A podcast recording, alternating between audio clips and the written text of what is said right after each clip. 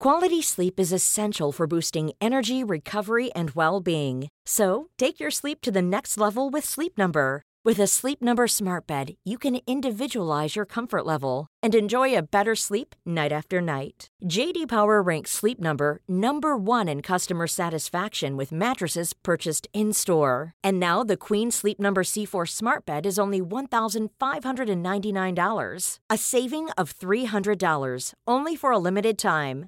For JD Power 2023 award information, visit jdpower.com/awards. Only at Sleep Number stores or sleepnumber.com. Hey, I'm Ryan Reynolds. At Mint Mobile, we like to do the opposite of what Big Wireless does. They charge you a lot, we charge you a little. So naturally, when they announced they'd be raising their prices due to inflation, we decided to deflate our prices due to not hating you. That's right. We're cutting the price of Mint Unlimited from $30 a month to just $15 a month. Give it a try at mintmobile.com slash switch. $45 upfront for three months plus taxes and fees. Promo rate for new customers for limited time. Unlimited more than 40 gigabytes per month. Slows. Full terms at mintmobile.com. Flexibility is great. That's why there's yoga. Flexibility for your insurance coverage is great too. That's why there's United Healthcare Insurance Plans. Underwritten by Golden Rule Insurance Company, United Healthcare Insurance Plans offer flexible, budget friendly coverage for medical, vision, dental, and more. One of these plans may be right for you if you're, say, between jobs, coming off your parents' plan, turning a side hustle into a full hustle, or even missed open enrollment. Want more flexibility? Find out more about United Healthcare Insurance Plans at uh1.com.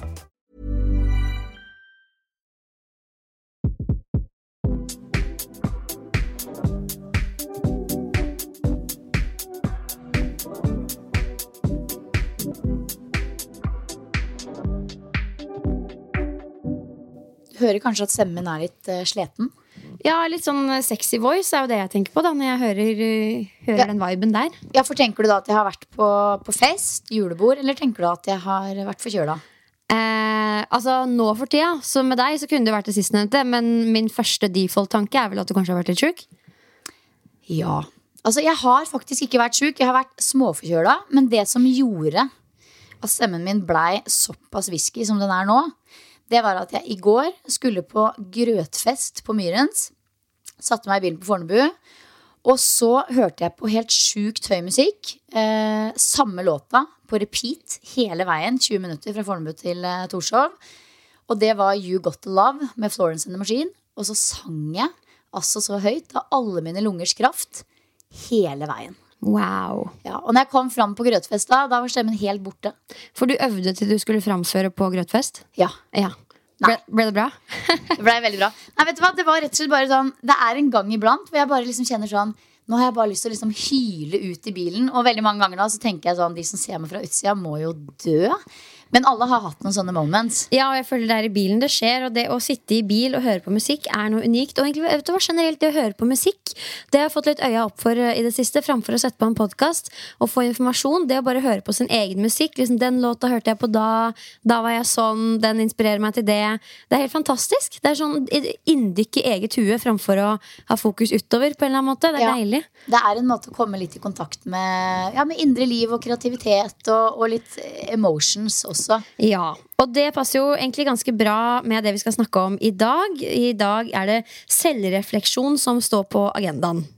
Ja, vi runda av året i fjor også med en sånn eh, refleksjonsepisode. Stiller oss eh, selv og hverandre noen litt sånn store, gode, dype psykologiske spørsmål. Og så er jo selvfølgelig det en invitasjon til dere lyttere til å gjøre nettopp akkurat det samme eh, i løpet av jula en gang. Vi legger ut spørsmåla sammen med episodebeskrivelsen. Og dette her er gull å gjøre. Enten sammen med nær og kjær i løpet av eh, julefeiringa, eller på egen hånd med penn og papir. Man må jo ikke gjøre alt på en gang heller. Man kan f.eks. ta ett spørsmål av gangen hver morgen gjennom eh, juleferien. Ja, Slenge det opp på frokostbordet. sånn, Slenge det opp. Ja, svigers! det er jo ikke sikkert alt er liksom like treffende for alle, men jeg syns at det er liksom godt å rense opp i eget hode og se litt tilbake på året som har gått. Og, og, og rett og slett Det er sånn, det er jo litt sånn Målet med å reflektere er jo at man på en måte lærer av sin egen og eventuelt andres eh, både suksess og failure, da. Ja. Stemmer. Det er jo det. Eh, og jeg alltid, eller vi begge er alltid litt sånn før vi skal gjøre sånne veldig personlige episoder, så er vi litt sånn åh, blir det ikke litt lol og kjedelig at vi bare sitter og prater om oss sjøl? Men da prøver jeg å minne meg selv på at når jeg hører på podder, så syns jeg det er interessant å høre andres refleksjoner på den måten her. Altså, jeg, jeg tror på at folk liker å høre om folk, da. Så det er ikke det at vi er fulle på oss sjøl og tror at dere nyter å høre på om våre problemer og utfordringer og seire gjennom hele året. Men samtidig så er det noe i å la seg inspirere av andres suksesser, men også failures, kanskje. Ja, ja, rett og slett. Jeg syns det er i hvert fall eh, Det er gøy å gjøre noen sånne gode dypdykk i eget hode en gang iblant. Mm.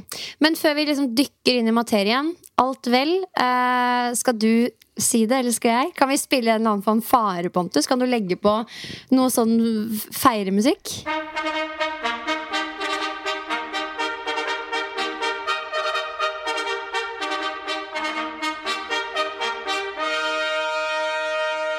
Dun, dun, dun. Du, du, du, du. Hva skjedde i dag? Jeg tok min aller første muscle-up. Vi ringer strikt som bare det. Ah, altså Det er så sjukt. Dere som ikke kanskje har fulgt treningspodden i 2023, så har jo jeg da satt meg et mål. Starta opp Prosjekt Muscle-up 2023 i januar. Eh, alle jeg snakka med om dette målet da, var sånn ja, ja, men det kommer du til å klare i løpet av seks måneder. Men jeg var veldig beinhard på at ja, det kan hende, men jeg skal bruke et år. Og grunnen til det, det er jo mange ting, men det er jo litt sånn man vet ikke hvor lang tid det tar. Pluss at jeg er utrolig redd for å bli skada og få vondt i skuldrene i forhold til at er helt, jeg er helt avhengig av å ha velfungerende skuldre i en jobb som yogalærer og, og det jeg driver med. Så det å liksom skynde seg mot et mål og så går det kanskje på, på, bekostning av egen helse. Det er helt uaktuelt. Så derfor så var det viktig for meg å bruke lang tid, og det har jeg gjort. Fordi i dag klarte jeg det for første gang, og det er nøyaktig elleve måneder etter at jeg begynte å øve på min første muscle-up. Det er helt sjukt. Og det, vi har jo fulgt reisen fleste av oss. Jeg, også lagt, jeg la ut videoen på storyen til uh, treningspodden, så mange har nok sett det der også. Og det er bare vi snakka litt om det når vi kom inn på Myrens her. Alle uh, som kjenner deg godt og følger deg, fikk jo nærmest tårer i øya, de også. Du gråter jo sjøl i videoen. Og så lever vi litt av det, fordi hva er det som er så forbanna stort? Og det er jo ikke altså Øvelsen i seg selv, det er jo en imponerende øvelse, men det er jo reisen dit, og det at du har klart å stå i det over så lang tid, og du har hatt mange gode grunner underveis til å kaste inn håndkleet. Alle hadde skjønt det, men du har liksom stått i dritten, og det har jo virkelig ikke kommet gratis. Og det er veldig både imponerende og inspirerende, da. Jo, takk. Altså, det, er, det, er, noe med det at det er jo det at det å liksom ha stamina til å stå i noe over lang tid, selv om det er fristende å gi opp, det er jo det som gjør at det blir litt sånn emosjonelt når man faktisk endelig får det til. For det har vært eh, perioder gjennom dette året hvor jeg har vært så drittlei av å trene de øvelsene.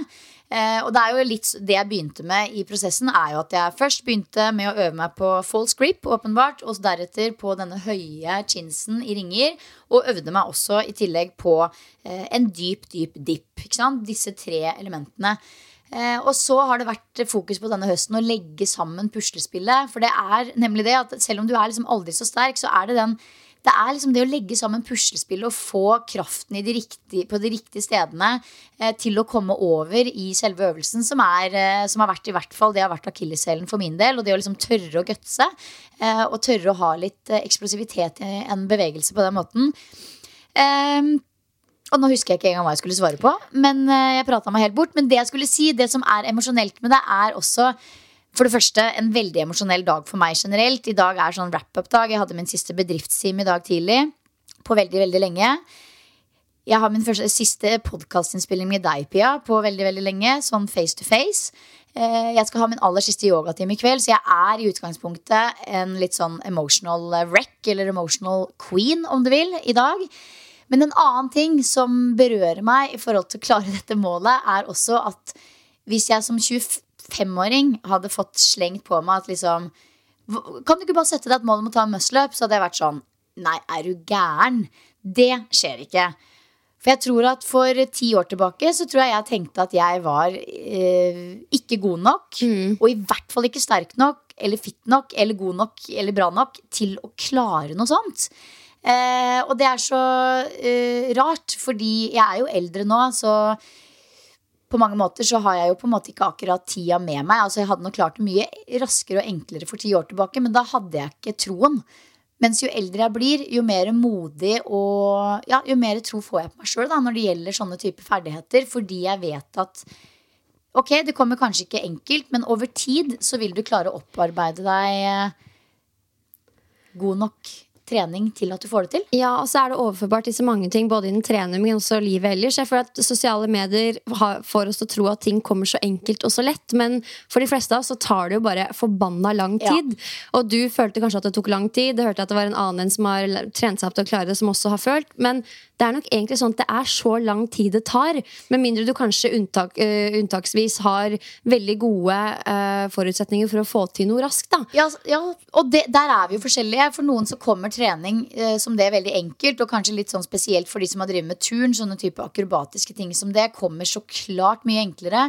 Men jeg er ikke lettrent, verken når det gjelder det ene eller det andre. Ting tar veldig lang tid. Men så har jeg på en måte bare klart å lære meg det. At uh, det gjør ingenting om det tar tid, for jeg skal jo på trening uansett. Så ja, nei, så det var Og så var det jo masse girl power for dere som har sett videoen.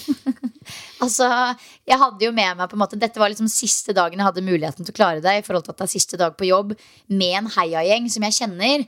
Eh, og derfor så kjente jeg jo at liksom i dag er dagen hvor jeg må klare det. Hadde med meg Sandra, som er daglig leder her på Myrens, og Johanna, som er PT og en god kollega gjennom mange år. Og det var så mye girl power i å klare det sammen med dem. Så ja, det ble, det ble tårevått. Det er veldig, veldig gøy. Det er veldig, veldig kult.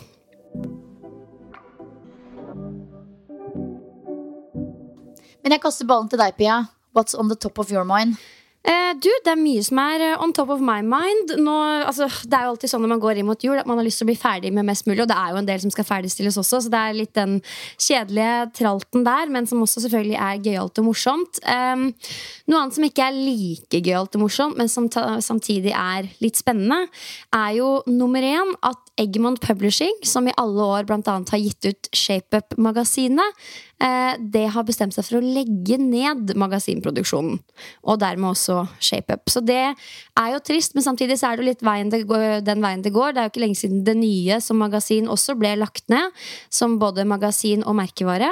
Men det som er litt kult oppi det hele, er jo at ShapeUp som merkevare lever videre. Fordi Sundquisten, Hanna Sundquist, hun tar jo nå med seg ShapeUp videre som en merkevare. Eh, og akkurat hvordan hun kommer til å forvalte den, og hva som kommer til å skje, det vet man jo ikke helt. Men eh, jeg tror jo at hun ønsker å bevare det community vi har, ambassadørene, og ja, at ShapeUp skal leve videre på en eller annen måte. da. Ja, forhåpentligvis en del gøyale conventions og eventer også. Ja, så det er jo en altså hell i uhell. Uh, ShapeUp lever videre, men på en litt annen måte. Og det påvirker jo også treningspodden. For jeg vet ikke om folk liksom kjenner til det her. Jeg tror de fleste forbinder treningspodden med oss to.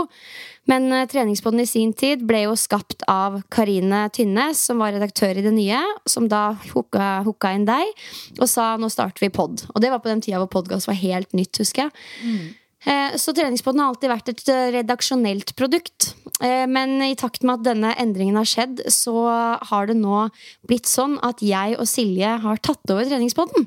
Mm. Så det, for dere som lytter, så er kanskje ikke det en så stor greie, men for oss er det en veldig stor greie. Og det var et lite øyeblikk der man var litt redd for hva skal egentlig skje med treningspodden. Hvordan blir dette her? Så det at vi endelig nå kan sitte her på den andre siden, vi har vært i spennende møter, og framtiden ser meget lys ut. Det er også absolutt noe å feire, da. Så det kan vi også ta litt av skål for mens vi sitter her og ser på året i retrospekt. At uh, treningspodden lever videre, og det er vi som uh, styrer den 100% som er litt skummelt, men også veldig veldig spennende. Ja. Jeg tror det er veldig riktig og bra for både oss og treningspodden framover. Absolutt. Det, absolutt. det føles uh, veldig riktig nå som vi sitter her, men det er som du sier, litt sånn shaky høst i forhold til litt sånn hva skjer videre?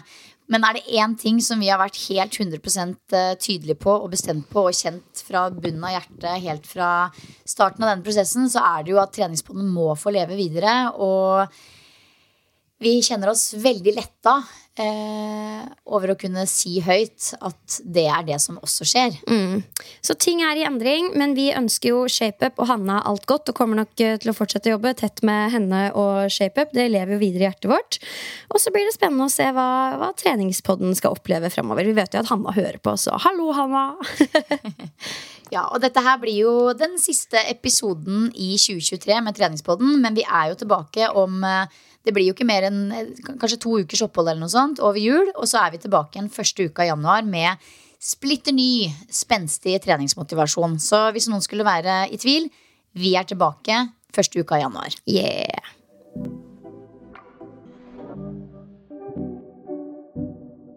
La oss angripe disse refleksjonsspørsmålene, Silje. Og det første er Beskriv en ferdighet du har fått selvtillit på i løpet av året. Ja. Jeg tror eh, det er ganske sånn tydelig én ting hva det er, og det er delegering. Jeg har blitt litt bedre på delegering, noe som sitter eh, langt inne hos meg. Eh, jeg er ikke veldig god på å strekke ut en hånd og be om hjelp, men det har jeg blitt noe bedre på. Både liksom med sånne teite, rare ting som matlaging og brødbaking holdt jeg på å si, på hjemmebane. Men òg litt mer sånn det at jeg har betalt litt, mer for tjenester og oppdrag som er jobbrelatert. Eh, har lagt vekk stoltheten litt på, eh, på en del ting. Eh, og har vært litt mer flink til å spørre om hjelp istedenfor å bruke masse tid på å kløne med noe i timevis helt alene. Eh, og det handler ikke bare om at jeg liksom føler meg dum når jeg spør om hjelp, men det handler også om at man ikke har lyst til å være til bry. Eh, men stort sett i prosessen med å bli litt flinkere på å både spørre om hjelp og å delegere der det er naturlig, så opplever jeg og at jeg opplever eh, generelt at folk setter veldig stor pris på å kunne hjelpe og bidra. Så, så det må vel kanskje være det, det er nok kanskje det som er mest tydelig for meg. I tillegg så kan jeg også trekke fram én annen ting litt for, i forbindelse med dette også på en måte. Og det er på en måte den delen av jobben min som jeg har lave selvtillit på. Du kan jo gjette en gang. Det handler om teknologi. Alt som handler om skjermer, teknologi, eh, altså nettsider og sikkert enda verre apper, alt mulig sånn for meg, det er som å lære seg kinesisk. Og jeg har jo også outsourca en del her, fått masse god hjelp av Helena Vian, som også hører på treningspodden. Og takk og gud for at dette nydelige mennesket finnes, som finner gode løsninger stort sett uh, alltid. Men i, i forbindelse med at ja, jeg fortsatt har veldig dårlig, eh, dårlig selvtillit på det, så har jeg også fått en liten selvtillitsboost. For jeg har jo, når jeg ser tilbake igjen på dette året, blitt veldig mye bedre på ting som jeg for et par år tilbake aldri ville tenkt at jeg skulle klare å gjøre. Som bare det å sende ut nyhetsbrev. Hvis du skjønner, Bare det i seg selv for meg er en veldig stor greie. Eh, klare å legge ut info om yoga helger og sende ut nyhetsbrev. Det høres kanskje ikke ut som all verdens, men for meg så er det altså så tungrodd å komme i gang med sånne nye tekniske ting. Jeg finner ikke noe glede i det. Og derfor så er det én del av meg som jeg har fått bitte litt bedre selvtillit på i eh, 2023. Mm. Ja, det skjønner jeg, og det gjør jo at virket ditt blir litt lettere å, altså blir lettere å leve av jobben din når du til stadighet kan bli bedre på de tingene der, da. Ja, for det er jo noe med det at det jeg gjør, er jo 95% kreativt. Men så er det den lille 5 som handler om at det må jo også ut der. ikke sant? Og der trenger vi teknologi. Ja, Og hjelp eh, i noen tilfeller, da. Ja, Og hjelp i noen tilfeller. Så ja, Ja. bare sånn som Senest i går så spurte jeg jo deg om hjelp. I forbindelse med et uh, yin-yoga-kurs som jeg lanserte i går. Så var jeg veldig i tvil eh, om videokvalitet og sånne type ting. Og da spør jeg deg, og det er noe jeg kanskje ikke ville gjort for et halvt år siden, fordi jeg tenker at da er jeg til bry. Ikke sant? Ja. Men bare det å få en sånn liten feedback og en tommel opp fra deg da, det gjør jo at jeg føler meg tryggere. Mm. Så ja. Og det er veldig bra at du fikk ut det kurset. Det tenker jeg jo mange kan få med seg nå før jul, enten i julegave eller til seg selv. Et yoga, et yin- yin-kurs der det er fokus på å slappe av, roe ned og finne ro i seg selv. Jeg husker jeg tror jeg gjorde det første yogakurset ditt, øhm, som er en sånn slags innføring i yoga, i en påskeferie når jeg var på hytta. Det er bare en sånn veldig fin tid å gjøre noe sånt på. Det er for deg selv, det er via skjermen, du blir guida gjennom noe. Eh, Så det er et lite tips på siljetorstensen.no hvis man vil gi bort en fin julegave, eller bare gjøre noe fint for, for seg Ja. selv. da Masse deilig yo- yin-yoga først og fremst, men nå litt eh, yoga nidra og noe rolig gentle flow. mm, Men du Pia, hva med deg? Beskriv en ferdighet som du har fått eh, selvtillit på i løpet av 2023. Ja, jeg tror at uh, det må være det å være mm, mer ekte. Og da mener jeg ikke sånn person sånn i sosiale medier og med folk og sånn, men eh, med å navigere etter følelsene mine, også da i relasjoner. Jeg kan være veldig sånn øh, Hva er det rette ordet for det? Som journalist så lærer du liksom at du skal se alle perspektiver. Så selv om jeg føler en ting, så kan jeg være veldig sånn Jeg føler dette, men den føler det, og den føler det. Jeg har forståelse for det, så kanskje dette Altså, jeg er veldig mye sånn fram og tilbake, eller har jo den evnen fortsatt, men nå står jeg tryggere i mine følelser, hva jeg opplever, og navigerer etter de, framfor å hele tiden skulle forstå absolutt alle. For all del, jeg forstår fortsatt, men jeg bare Jeg står tryggere i meg sjøl og det jeg føler, og kommuniserer basert på det. Og det er jeg stolt over. Det har jo vært et mål å liksom ja, være mer ekte og leve litt mer i tråd med det, sånn som jeg ser verden, da, og stå stødigere i det. Og det har vært en positiv utvikling. Jeg føler at jeg har blitt tydeligere overfor de jeg er glad i, og også på sett og vis i jobbrelasjoner. Og har det på den måten bedre, egentlig. Mm. Eh, og hvis jeg skal nevne én ting til, rent faglig, så er det vel treningsprogrammering. Jeg har aldri programmert så mye trening som det jeg har gjort det året her. Eh, fordi jeg har starta opp da sterkere, og det har vært ganske krevende til tider å finne på ny treningsprogrammering hver eneste måned og sørge for at det er en rød tråd. Du skal ha et årshjul som liksom funker, du skal møte mange ulike grupper. Ja, Det er mange elementer som spiller inn. Så det har jo krevd en del med tanke på å bla opp det man kan fra før, men også lære seg nye ting. Og selvfølgelig lære mer basert på tilbakemeldingene man får.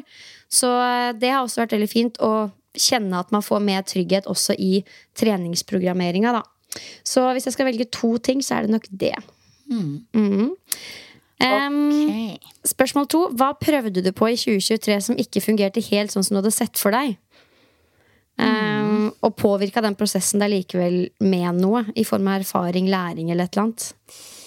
Ja, det er nesten litt sånn gøyalt, for det er på en måte nesten litt motsatt av deg. Eh, For jeg har jo også jobba veldig mye med dette med å liksom lære meg signaler, altså følelser som et signalsystem, og har jo eh, funnet ut at jeg også ønsker å la meg selv bli guida en god del mer av følelser enn det jeg har gjort før.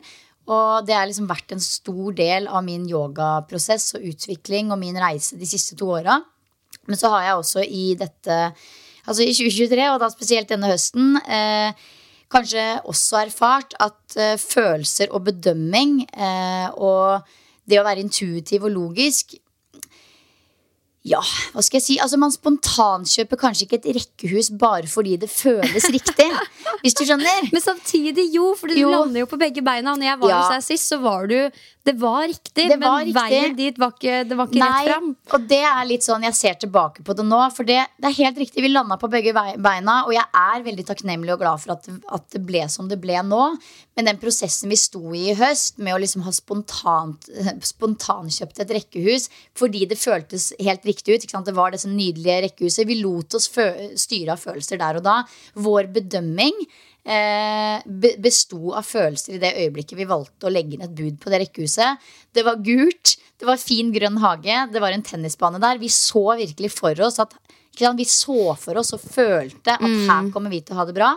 Men logisk, akkurat der og da, eh, på det tidspunktet, når vi skulle til Australia om tre måneder, eh, i en veldig dårlig periode når det gjelder å selge med tanke på økonomi og alt mulig rart, egentlig, så var det et spesielt valg å ta.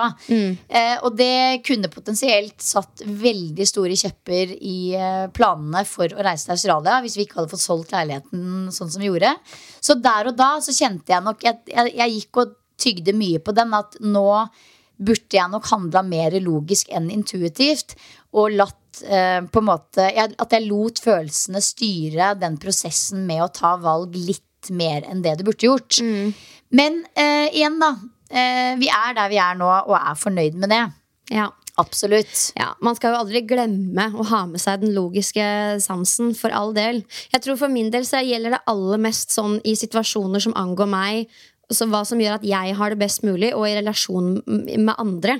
Fordi det er så fort gjort å- Med en gang man føler noe, så er det sånn Er dette riktig å føle, da? Og så trekker man seg fordi man føler at fra den andre parten sin side så er det ikke riktig.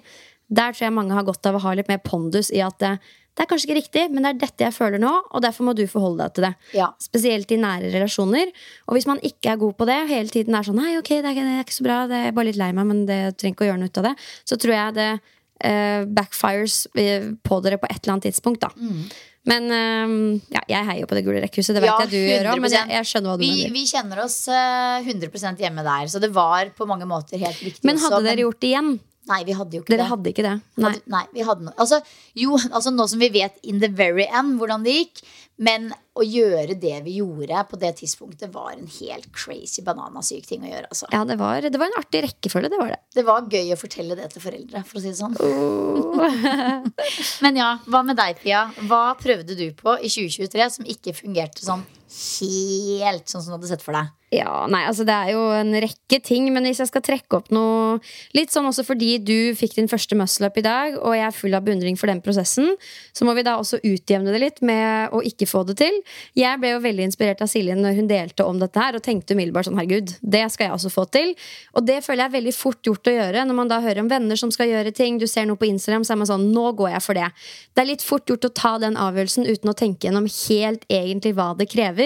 Og selv om jeg har noen chins og noen dips inne, så det betyr ikke at du får til uh, f.eks. muscle-ups på null komma niks. da. Så jeg var jo veldig høy og mørk og sa liksom dette skal jeg gjøre. Jeg var hos Tommy, fikk veiledning, og da fikk jeg jo trua.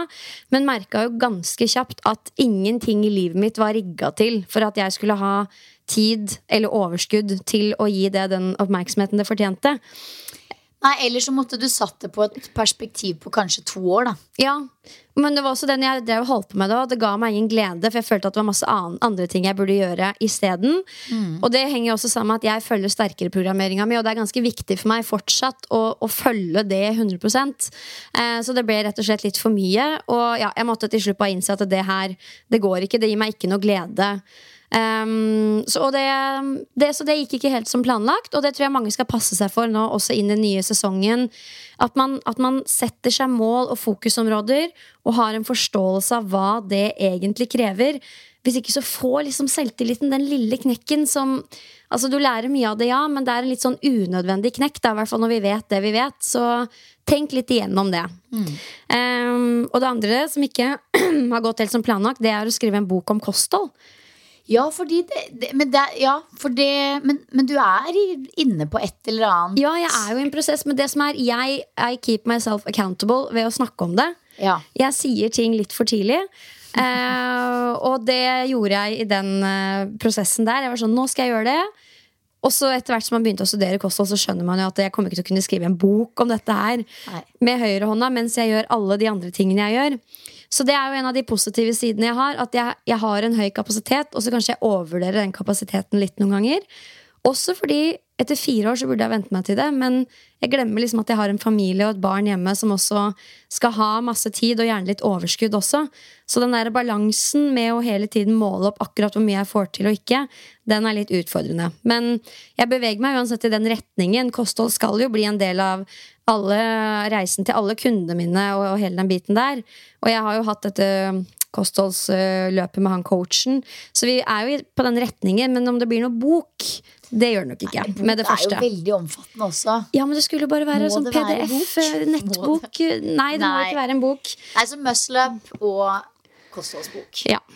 Det, Nei, men også, jeg tenker sånn Altså, i, I det store og det hele regnestykket, liksom, det er jo nothing men, i sammenheng med alt det du har fått til. ja, ja, det er, eh, det er ingenting, men det er viktig læring i det med tanke på at uh, You can only do so much. Og Yes. når, spesielt kanskje når du jobber i treningsbransjen, så må du stå litt i det at akkurat nå så satser jeg på styrke, så jeg løper ikke så mye. Det er jeg litt dårlig på akkurat nå. For det er veldig fort gjort, kanskje når du jobber som trener, å kjenne at du dreader å være med på fire ganger fire intervaller fordi du har ikke løpt det på et år, liksom.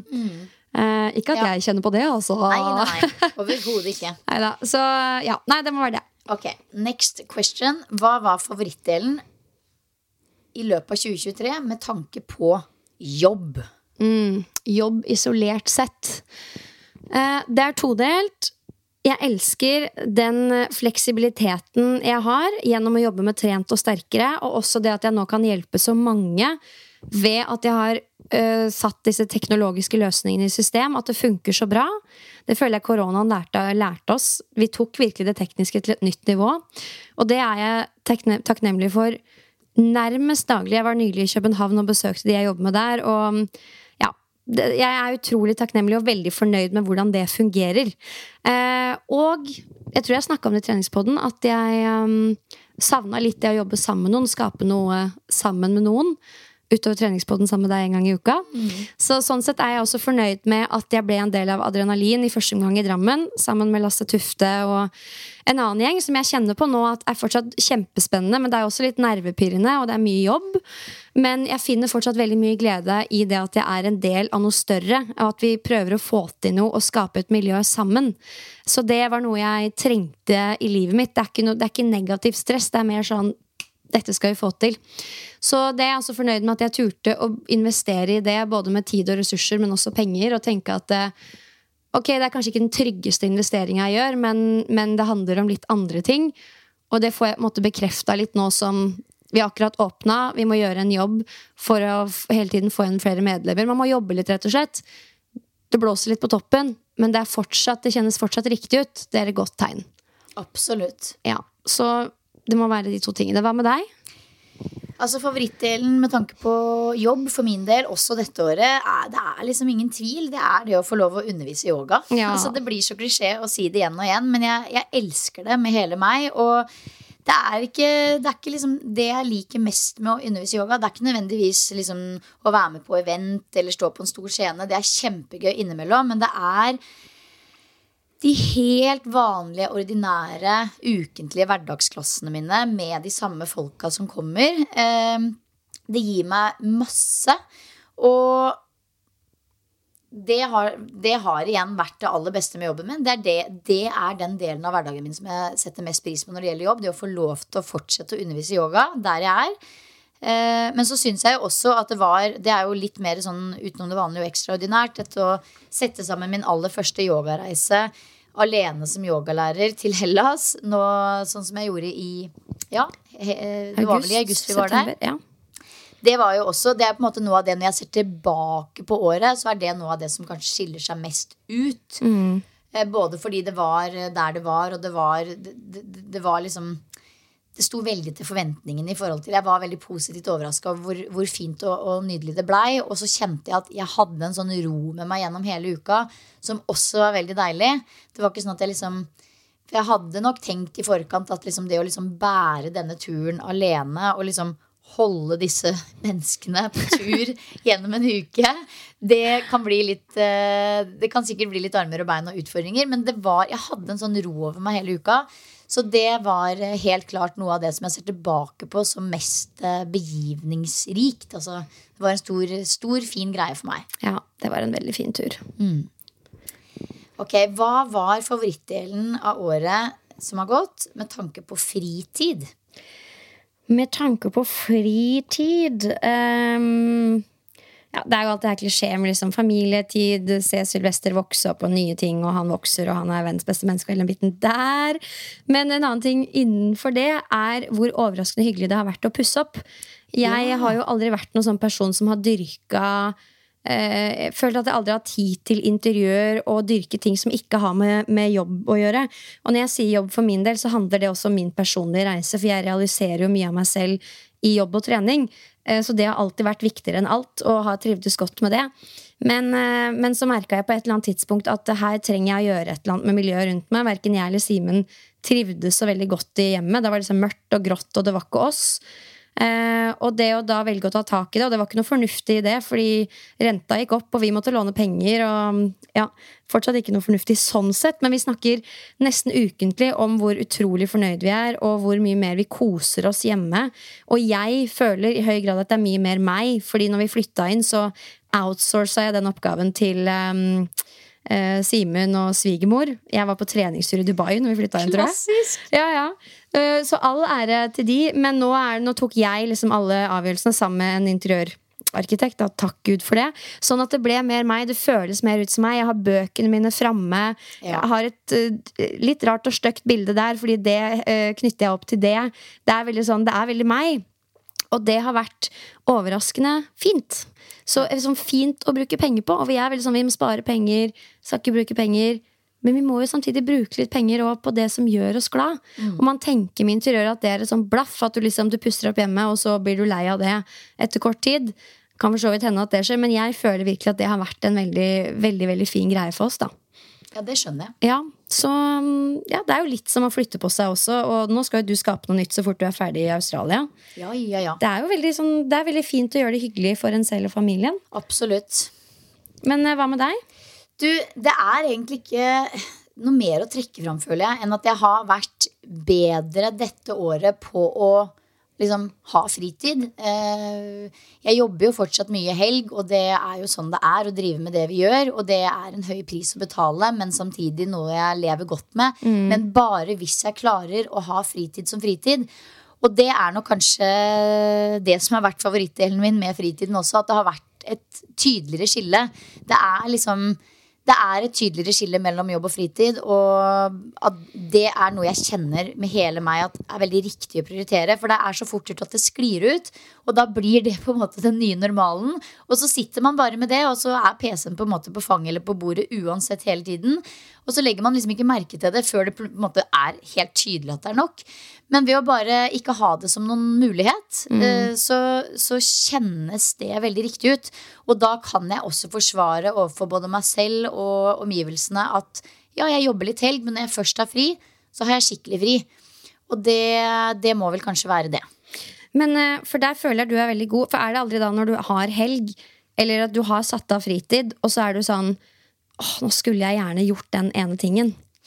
Jo, altså, jeg skal være helt ærlig på det At hvis det på en måte er sånn at plutselig så er alle ute på et eller annet Ungene dro på fotballbanen, mannen er på trening Så sitter jeg der alene og har liksom tre timer til overs Da kan det fort gjort være at jeg trekker fram PC-en Og koser meg med PC-en på fanget Og en kopp te Og virkelig bare liksom de tre timene går på et blaff Fordi da synes jeg det er så digg og hyggelig Å sitte der med lave skuldre Og jobbe og gjøre de tinga For det setter jeg jo veldig pris på men eh, det er veldig sjelden at det er noe som brenner så mye at jeg må trekke fram PC-en i en situasjon der hvor alle er hjemme, og det er fritid. Så jeg, jeg føler selv at jeg er inne på et godt spor i det å klare å skille det litt. Ja, Jeg har også blitt bedre der, men jeg, jeg er ikke like god til å delegere tiden min. Sånn at hvis jeg skal noe, så er jeg ikke alltid like god til å legge inn det må jeg forberede meg en time til dagen før. Jeg er mer sånn ja, da, da, da, jeg bare forbereder meg når jeg går dit, liksom. Eh, Og jeg får det jo alltid til, men det er fordi jeg da er sånn Ok, nå dusjer Simen og Sylvester, da løper jeg ned og spiller inn den videoen. Også, altså sånn. Ja. Så det skal jeg prøve å bli bedre på inn i det nye året. At jeg skal ta meg mer tid og nærmest tenke at en oppgave tar ja, dobbelt så lang tid som det det egentlig tar. da Ja, og jeg tror at det er, det er mye vanskeligere for deg, tror jeg, Pia, fordi at du er så aktiv på sosiale medier. Jeg har på en måte bare innfunnet meg med at jeg er ikke så flink på sosiale medier som det du er.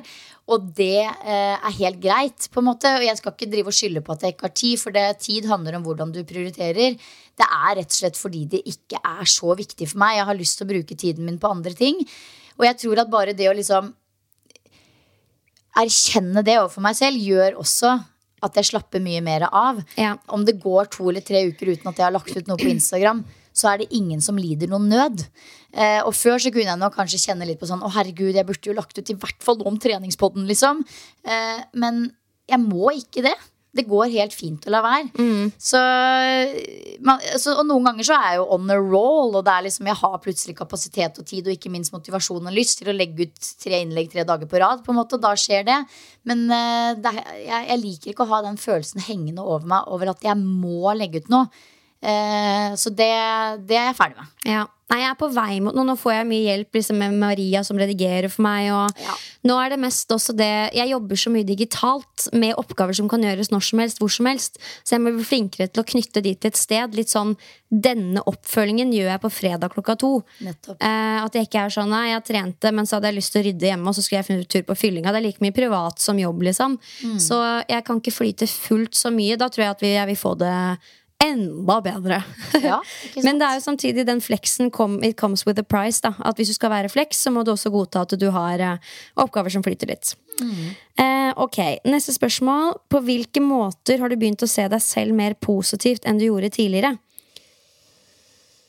Ja eksempel med liksom kvaliteter som indre styrke, evne til å skape gode vaner, mer effektiv omsorg. Ja, jeg tror jeg har blitt litt bedre i takt med det å studere psykologi til å se enda mer over min egen overbevisning. eh, Jeg kan nok fort gjort fortsatt også la meg provosere veldig av folk som har veldig ulikt syn enn meg. Jeg er jo ganske rød, for å si det sånn. Eh, og jeg kan liksom la meg bli ganske sånn Jeg kan liksom det trigger meg på en negativ måte å møte mennesker med helt annen verdensomfatning enn meg når det gjelder ulike ting. Om det er liksom konspirasjonsteoretikere eller vaksinemotstandere. Eller, men jeg er liksom i en prosess der hvor jeg liksom klarer å se litt mer over min egen overbevisning. Og kanskje bare heller se på det med nysgjerrighet, da. Eh, for, det, for det, er jo det som er hele greia, at det er jo derfor det blir konflikter her i verden. Mm. Så det er på en måte Jeg kan fortsette å tenke mitt, men syns samtidig det er enklere å møte folk der de der, uten at jeg trenger å tenke at jeg skal prøve å endre synet deres. på en måte Og det kommer litt i takt med psykologistudiet, fordi man lærer ganske mye om ja, rett og slett hvorfor folk tenker og, og oppfører seg og føler som de gjør. Mm. Så vi er ikke Vi ser ikke det vi ser. Vi ser det vi ser gjennom erfaringene våre som et filter. Så det tror jeg vel kanskje det må være én ting. Ja, det var veldig fint sagt. Vi ser ikke det vi ser. Vi ser det vi ser gjennom erfaringer. Vi som, gjør et, jo som et filter. Mm. Ja, hva med deg? Ehm, kanskje det her med raushet i forhold til egen kropp. Eh, med tanke på at jeg har begynt med, da, med kostholdsoppfølging og denne gaininga mi. For de som ikke har fulgt med, så tok jeg kontakt med en kostholdscoach for, uh, mot slutten av sommeren. Fordi jeg trengte å bli holdt i hånda idet jeg hadde lyst til å teste noe helt nytt. Og det var å bli større. Og med det så mener jeg ikke å bli legge på meg liksom 20 kilo, men heller å trene systematisk styrketrening, sånn som jeg nærmest alltid gjør. Men også ligge i et kalorioverskudd. Både for å teste ut det, og bli større og bygge mer muskulatur. Men også å lære mer om hvordan det er å være en kunde hos en kostholdscoach. Eh, og det tror jeg ikke jeg hadde klart å gjøre hvis jeg ikke jeg hadde mer raushet eh, i min egen kropp og mm, eh, en visshet om at det, det blir ikke nødvendigvis dritfett å bli større bare fordi jeg var et overvektig barn og har et, ambivalent forhold til å bli større, bare fordi det er sånn jeg funker på et enkelt nivå. Men har klart å utfordre det på en veldig god måte og har liksom helt fint takla det at vekta har gått oppover, og har liksom sett på det som et prosjekt, da. Eh, og det har vært ålreit, og det er, har vært og er en styrke eh, som jeg tror jeg kommer til å ta med meg videre. Så er dette et eh, prosjekt som eh, fortsatt eh, pågår, så får vi se hvor det ender hen. Ja, jeg gleder meg veldig til å ta status på det her eh, i januar. Ja, det kommer nok til å komme mot slutten av januar, tenker jeg. Åh, spennende. Ja, spennende. Veldig spennende. Det er lærerikt å jobbe med en kostholdscoach, men det er også overraskende krevende og eh, ganske omfattende på en måte som gjør at jeg setter litt større spørsmålstegn til det nå enn jeg kanskje jeg gjorde før, da. I hvert fall i en familiesetting. Mm. Ja. Altså, du forholder deg til mennesker på en helt annen måte når du er tett på mann og barn, kontra hvis du bor aleine. Har en kjæreste som er dritopptatt av det samme. Det er mange ting som spiller inn. Ja. Du blir veldig opp i ditt eget hode på en måte du kanskje ikke merker. Nei, og det er jo eh, Ja, det blir liksom litt sånn derre å dyrke en sånn egotripp, på en måte, som er positivt, men samtidig skadelig. Ja, og du tenker inni deg sånn Dette er det ingen andre enn meg som merker. Jeg skriver jo bare inn på telefonen min litt hva jeg spiser, og er litt målretta. Men det tar, bort, det tar oppmerksomheten din bort fra noe annet. Ja. Eh, som ikke er et felles prosjekt med familien din, for å si det mildt. Heller det motsatte, fordi du vil holde det litt for deg sjøl. Ja. Og det har kommet fram, eh, ikke på noe sånn sår og vanskelig måte hjemme hos oss, men eh, at det, det merkes at du holder på med noe. Og det var interessant. Så vi har hatt mange gode samtaler rundt det. da. Og det er jo også grunnen til at jeg har valgt å gjøre dette her. For jeg vil virkelig få en forståelse av hvordan det er som sagt å være kunde i den settingen der. For jeg er fortsatt veldig nysgjerrig på hva er egentlig den beste måten å hjelpe folk med kosthold på. Ja. Eh, mange er veldig for å telle kalorier, andre er overhodet ikke det. Så det er jo mange veier til rom, men eh, ja. Testing, testing. ja. I slutten av januar, da blir det status. Da blir det status. Yes. Um, ok, er du klar for neste spørsmål? Ja. Hvilke utfordringer dukket opp flere ganger i løpet av året? ja. Den er helt klar og tydelig. Jaså? trenger bare ett sekund å tenke, og det er Du har vært inne på det, men det er det at jeg fortsetter å overvurdere min egen kapasitet. Og det er ja, ikke sånn at det skjer hele tiden, jevnt og trutt, nødvendigvis. Jeg føler det er føler at ikke du gjør det i det hele tatt. Nei, jeg er kanskje litt bedre på det enn deg, faktisk, sånn jevnt over. Men jeg kjenner likevel på at Mm. jeg vil ikke ha det sånn når det topper seg. Mm. Så jeg har på en måte hatt uh, flere runder i år som har vært helt unødvendige. Eh, og faktisk gått på et par smeller som jeg kjenner at jeg, liksom, jeg er nesten liksom farlig sliten, hvis du skjønner. Selv om det er forbigående og dermed på en måte ufarlig, så er det helt unødvendig. Og det skjer jo f.eks. veldig ofte i forbindelse med en eksamensperiode hadde jo dette eksempelet som jeg snakka om i treningspodden i juni, der hvor jeg hadde hjemmeeksamen og tenkte da at jeg skulle fullføre hjemmeeksamen uten å skrape av noe annet i livet mitt. Jobba Ja, fullt. Eh, skulle på ShapeUp Weekend helga, samme dag som jeg hadde innlevering. Eh, og det endte jo bare opp med at jeg liksom sto opp klokka fire, gjorde litt eksamen, dro på jobb, og så etter jobb dro rett på liksom skolebiblioteket, satt der til klokka 11, var hjemme klokka 12, sov altfor lite gjennomgående hele uka, før jeg da endte opp med å sitte med eksamen helt til klokka halv tre på natta, før innlevering. Leverte. Pakka en bag, satte på vekkerklokka én time seinere for å ta toget halv syv til Geilo. Og så hadde jeg et mentalt sammenbrudd på togstasjonen fordi toget ikke gikk. Og det, da var jeg så så skranten. Altså Nervene var helt tynnslitt. Og da kjente jeg liksom på at dette er veldig usunt.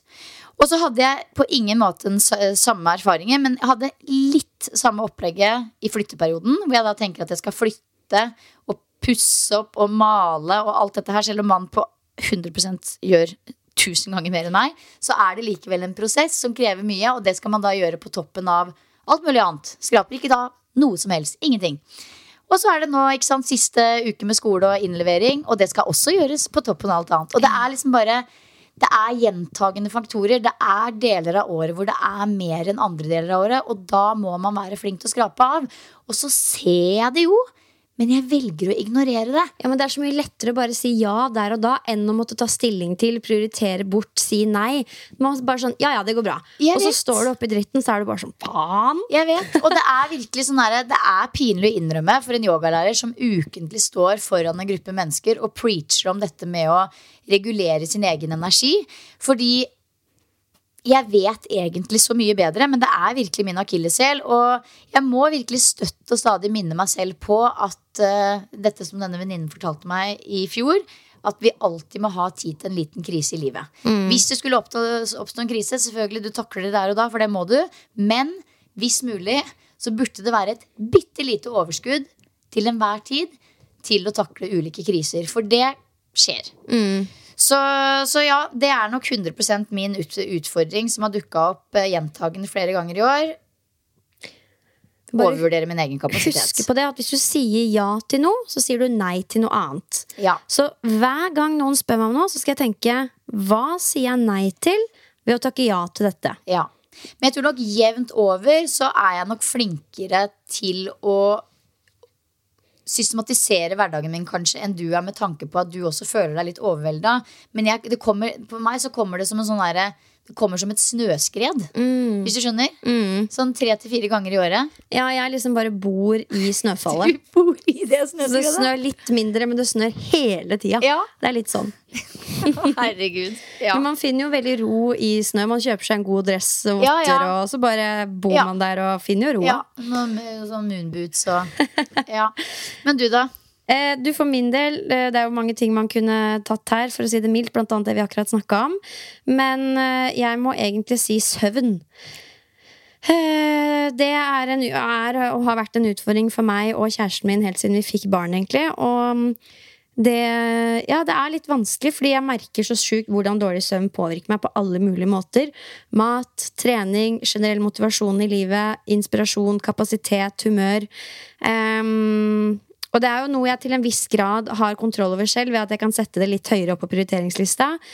Men du vil jo også ha de kveldene hvor du koser deg. Du vil spise middag seint, for søren. Ehm, Og, eh, ja, så det, det er en stor utfordring som vi fortsatt jobber med. Noen ganger så får du de gode nettene som bare er helt sånn halleluja. Mens andre ganger så har du de nettene som er altså, så på trynet, og da føler du deg som et takras etterpå. Og det, jeg må bare minne meg selv på hvor vondt det gjør, og at det er ingenting som er så viktig som at man skal Man må ha god søvn. Vi er i hvert fall helt avhengig av det. Ja. Men det er jo vanskelig med disse barna da som kommer inn og skal sove der og ligger i kryss og klatrer og holder på. Ja. Vi var på helsestasjonen senest i går. Nå skal ikke jeg utlevere noen her, men de var sånn Det er sånn det er. Barnet søker trygghet. Så jeg er sånn, ok. Hvor lenge gjør de det, egentlig? Hvor lenge gjør de det? Det er sikkert ting man kunne gjort, da, men vi er også sånn Jeg tror vi tok et valg etter babytida at eh, det er like mye stress å prøve å endre og styre noe som å bare go with the flow. Det er sikkert Ja. noen som vil utfordre meg på det, men det er i hvert fall der vi er, og det, da får vi smake vår egen medisin, da kanskje.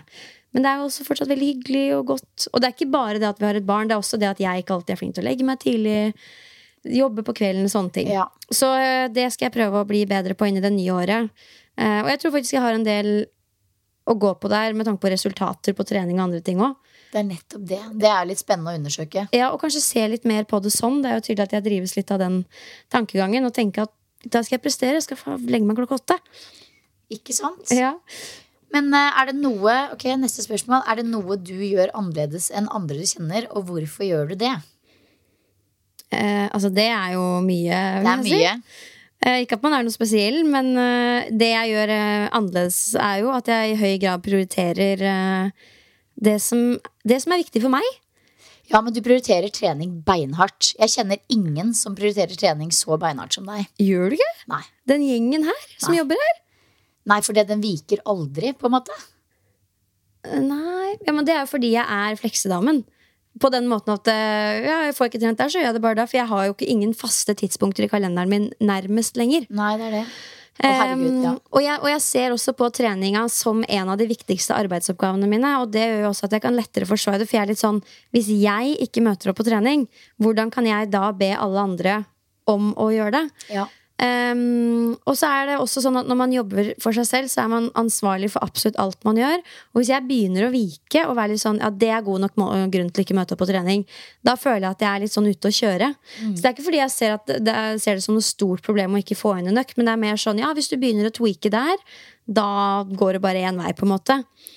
Um, og når jeg trener, så lager jeg jo innhold og styrer og ordner. og så det er virkelig jobb. Uh, men det jeg nok gjør annerledes enn mange, er å prioritere det som er viktig for meg. En liten sånn egotripp fordi man driver med det man gjør. Og det er litt usjarmerende, men samtidig så kunne jeg jo ønske at flere lot seg inspirere fordi jeg tror at man får det bedre. Og hvis alle har det bra, litt på egne premisser, så snakker vi litt samme språk, og man kan leve sitt beste liv i harmoni. Ja. Jeg sier det bare for jeg ser så mange som er så gode, og som ofrer seg sjøl dag ut og dag inn for at de rundt en skal ha det bra. Og jeg tror virkelig på at i lengden så gagner ikke det noen, da. Um, så jeg vet ikke om jeg gjør det annerledes enn andre. Det må jeg fordi at jeg driver for meg sjøl. Det er mye lettere for meg enn for mange andre. Men det er lov å si til de rundt deg at nå trenger jeg dette, så jeg kommer til å gjøre det. You do you. Så kan jeg pay back etterpå, på en måte. Ja. Og det er jo mange flinke til òg. Så kanskje det, da. Hva med deg? Altså, jeg er jo fortsatt uh, helt rå på bruken av penn og papir. Som Ja. den eneste. Ja. Uh, som den eneste, føler jeg, i dette landet som fortsatt bruker penn og papir. Altså, Bruken av penn og papir er helt enorm. Jeg skriver fortsatt i filofax og sverger til fysiske bøker. Jeg er den som aldri bruker liksom e-bøker. Jeg vet ikke hva det heter engang. på gården. Jeg, jeg kjøper de fysisk, liksom. Eh, skriver ut treningsprogrammet mitt i Word-dokument som jeg har med meg i en plastikkmappe på gymmet. Elsker å sitte og skrive med penn i det papiret. Jeg er den eneste som gjør det på gymmet. Eh, printer også ut forskningsartikler når jeg skriver skoleoppgaver. For å liksom ta sånn gul sånn, du vet, sånn strek over. Markeringstusjen. Ja, ja. Ja, ja. Hater å lese avisa på, på nett, men det gjør jeg jo likevel. da Men det er sånn det beste jeg vet, er å gå på en kafé. Og det, hvis jeg vet om kafeer som har liksom Dagens. Morgenblad og VG, og da, da setter jeg meg heller der fremfor en annen kafé der det ikke har eh, aviser. Jeg elsker, det er, eller elsker alt som er i papirform og penn og papir. Det er bare et eller annet med det. Og det er jo Psykologien også er jo helt tydelig på at vi husker bedre og lærer bedre med penn og papir enn disse skjermene. Eh, så jeg vil jo tro at det gjelder for flere enn meg. Men jeg tror kanskje jeg er ekstremt allergisk. Det er akkurat som at det som er på en skjerm, det oppfatter på en måte hjernen min som støy. Så jeg klarer på en eller annen måte ikke å skille ut hva det er som er støy, og hva som er viktig. Ja, det gir mening. Jeg tror eh, Når du sier det, så kan nok jeg ha samme opplevelse, men jeg går jo aldri out of my way for å leve et papirliv sånn som Nei. deg. Men uh, jeg, jeg trives så mye bedre med å lese på papir og sitte og studere på den måten. Da har man ro. Ja. Men når du sitter på dataen og holder på, så er det mer sånn ja, vet du hva, Det gir veldig mening, Silje. Kanskje jeg skal bli en penn og papirperson i studiet mitt, jeg òg. Ja, altså, det, bare det å sette Jeg satt seinest i går, skrev masse, jeg skriver masse hver uke. F.eks. i yogabøkene mine. Når jeg liksom planlegger undervisninga mi. Eh, det er en slags beroligende praksis over det å liksom sitte og skrive. eh, så ja, det tror jeg vel kanskje må være det som jeg føler at Jeg skiller meg veldig ut på akkurat det. Det er veldig sånn rar greie. Men ellers så tror jeg nok også at jeg tenker litt sånn utradisjonelt på en del ting. Sånn som det er litt sånn normer på i samfunnet. Jeg merker at Noen ganger så kan jeg si ting, og så får folk litt sjokk. Men, men det er jo også bare Jeg vet ikke om det er å tenke annerledes, men jeg, jeg følte meg også ganske annerledes i den derre HRV-bølgen som kom på nyåret. Hvor jeg var veldig sånn Jeg følte at jeg var den eneste som var litt sånn Skal vi ikke stille noen spørsmålstegn? Hvis du skjønner? What is this? Eh, og selv om jeg 100% ser at det er så mye gode verktøy i bruken av pulsklokker til å kunne regulere stress, så var det liksom det var, da, Jeg vet ikke, da følte jeg også at det var litt sånn gikk mot strømmen, på en måte. Eh, fordi jeg var så sterkt uenig i at det var det eneste måleparameteret vi har. Så Det er jo mange i etterkant som har vist i denne episoden og vært veldig sånn Takk for at dere tok litt den kritiske stemmen. Og jeg var faktisk på en eh, shoot med Jensen, altså senger, sengemerket Jensen. Der hvor de, de lager sånn content rundt eh, hva som kan bidra til bedre søvn. Og de jobber da sammen med en søvnekspert. Og, han så at jeg hadde det Whoop-bandet, Ja. så han spurte hvordan jeg syntes det funka. Og så var jeg jo sånn, det funker jo bra, nu, nu, nu, men jeg kjenner at det tar over mye. Litt sånn, Trenger jeg det egentlig? Og han var sånn Yes, I agree. Uh, yeah. And we know that uh, they are not accurate. Altså sånn, yeah. Dataen det presenterer, er ikke så nøyaktig at det 100% reflekterer sannheten. Så det er litt sånn, hva er det vi egentlig lar oss styre av her? Ja, og også hvis vi eh, Hvis tallene på klokka ikke nødvendigvis er så veldig riktige ja, nei, Jeg syns det er vanskelig, og, men ikke minst kanskje fra et psykologisk perspektiv. Hvis det du ser på klokka, ikke gjør deg noe særlig lykkelig, skal vi egentlig bruke det noe særlig da? Men igjen, da, det er jo et godt verktøy. Vi er Jeg vet ikke. Jeg er, jeg er så todelt på det. For jeg ser at for mange så kan det absolutt bidra til at man kanskje dropper det siste glass vinet med middagen fordi du får dårlig søvn. Det bidrar til at du kanskje eh, gjør en del endringer i livet for å sove bedre, ha bedre HRV og hvile bedre på natta. Men hvis det bare er en sånn stressfaktor, så er jeg så usikker på om det egentlig er noe for oss.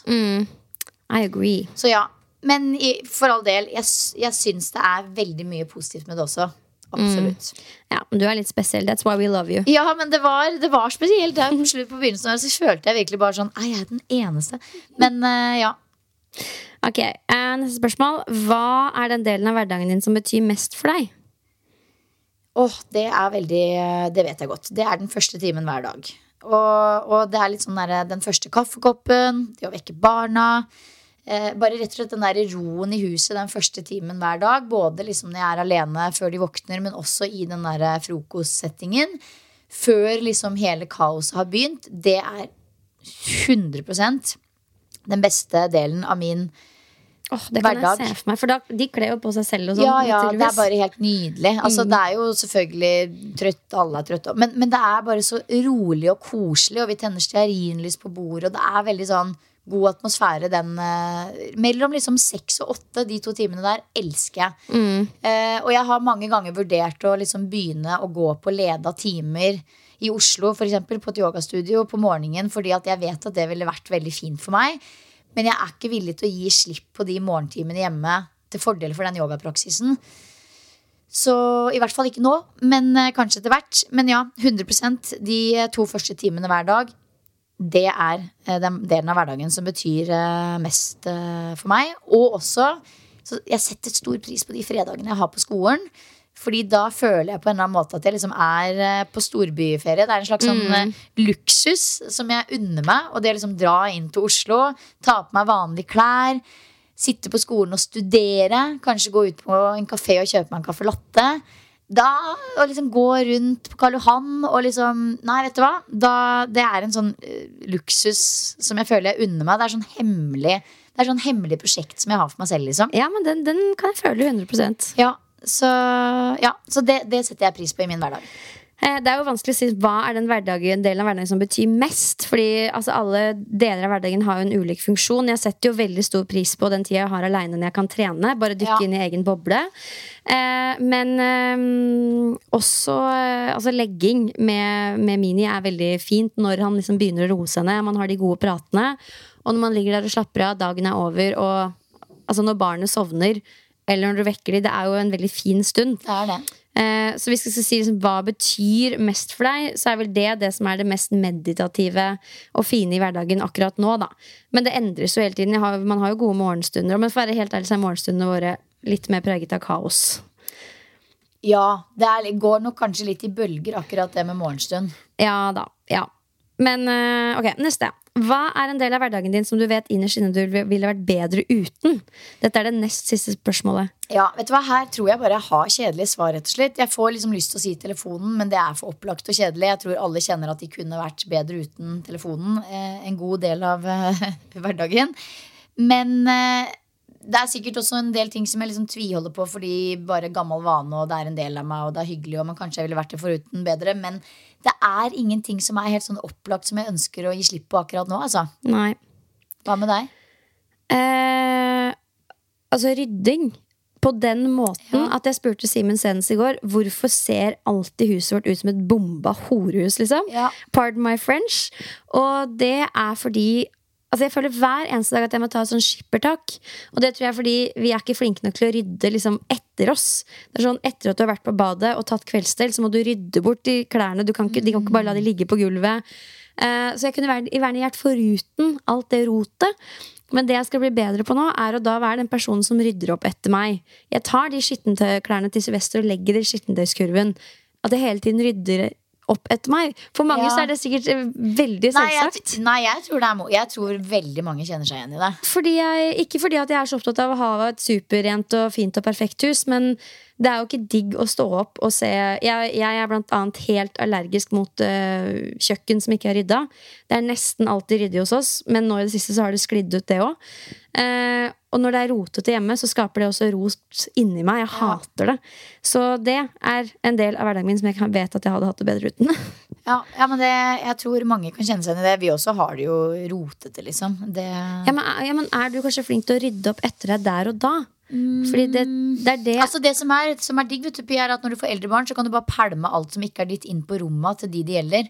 mm, Ja, Det er smooth. Det er veldig deilig. La oss glede oss til det. Ja. Um, hvilken prestasjon er du mest stolt av fra i år? Liksom fra hele året. Det kan være litt vanskelig å huske. Da, Mm. Ja, men, nei, altså Jeg bare sier det med en gang, det som uh, on top of mind. Og det er å sette sammen og planlegge denne reisen for familien.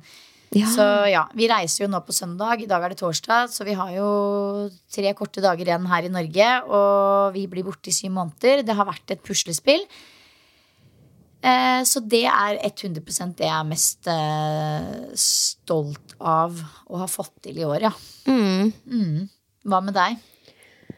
Eh, nei, jeg syns det er vanskelig å si én ting som jeg er veldig stolt av. Jeg er jo glad for at jeg valgte å prioritere å pusse opp, fordi det er sånn jeg fort kunne drite i. Ja. Og så var det så hyggelig og fint. Eh, så en liten investering på hjemmebane, det er jeg stolt over at jeg gjorde. Fordi det var ikke Det viser at jeg har vokst litt. Og så åh, det her blir sånn, Men jeg er jo stolt av over at jeg har klart å skape meg en egen arbeidsplass med disse tekniske løsningene, og trent og sterkere funker så bra. Det er jeg stolt over hver eneste dag, for det er veldig mye jobb, og det er en egen måte å jobbe på. Ja. Og at jeg fortsatt gjør det, og at jeg har det bra med det, er noe jeg er veldig fornøyd med. Det passer min personlighet bra. Så det er man jo litt stolt over, da. Ja, 100% Det skal det være. Det er jo veldig proft også. Du fremstår som veldig proff. Ja, Det er godt å høre. Det er jo bare spill for galleriet. Inni appen så sitter jeg bare og gjøgler. Ja, ja, ja. Finn Nei. på noe sjøl, sier jeg mange dager.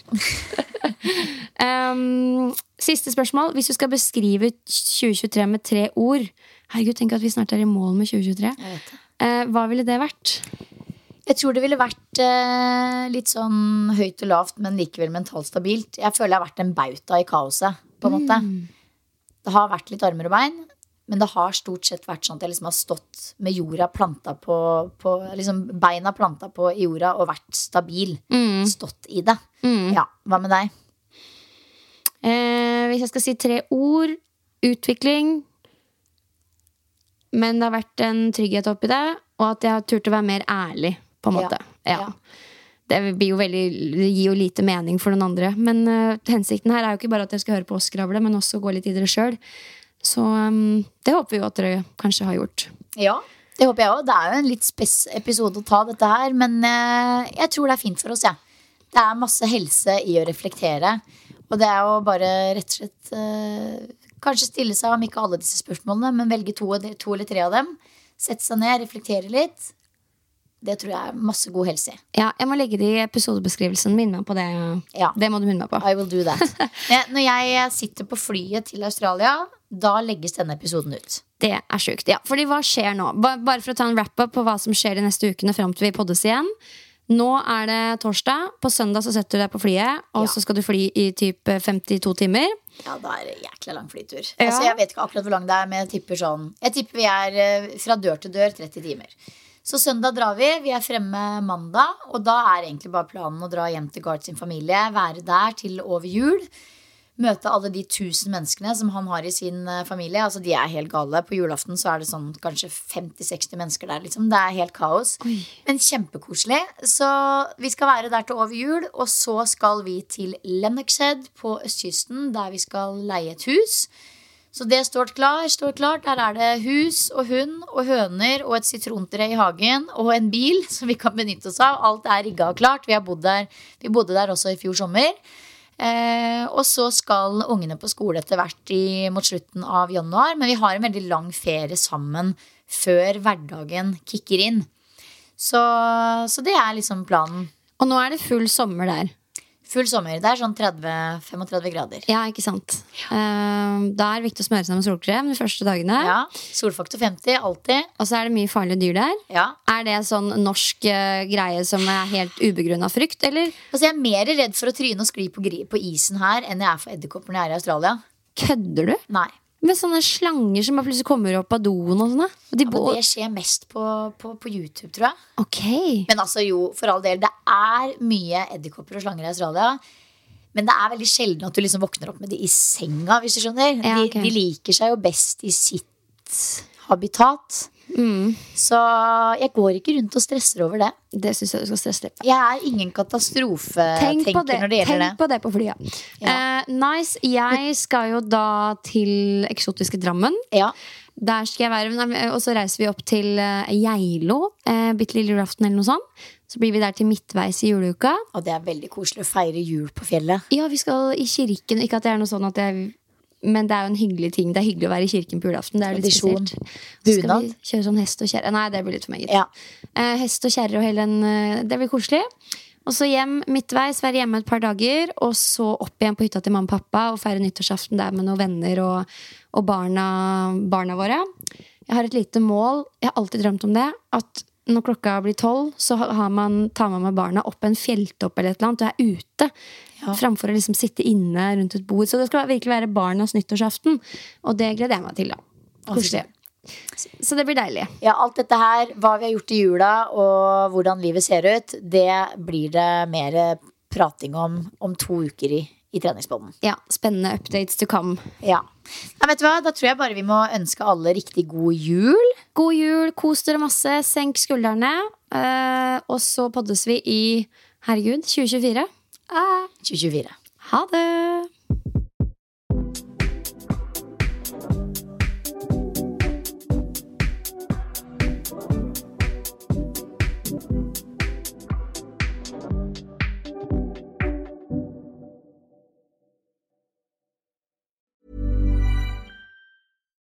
Botox Cosmetic, out of botulinum toxin A, FDA approved for over 20 years. So, talk to your specialist to see if Botox Cosmetic is right for you. For full prescribing information, including boxed warning, visit BotoxCosmetic.com or call 877-351-0300. Remember to ask for Botox Cosmetic by name. To see for yourself and learn more, visit BotoxCosmetic.com. That's BotoxCosmetic.com. Every fan knows the right player in the right position can be a game changer. Put LifeLock between your identity and identity thieves to monitor and alert you to threats you could miss. Plus, with a US-based restoration specialist on your team, you won't have to face drained accounts, fraudulent loans, or other losses from identity theft alone.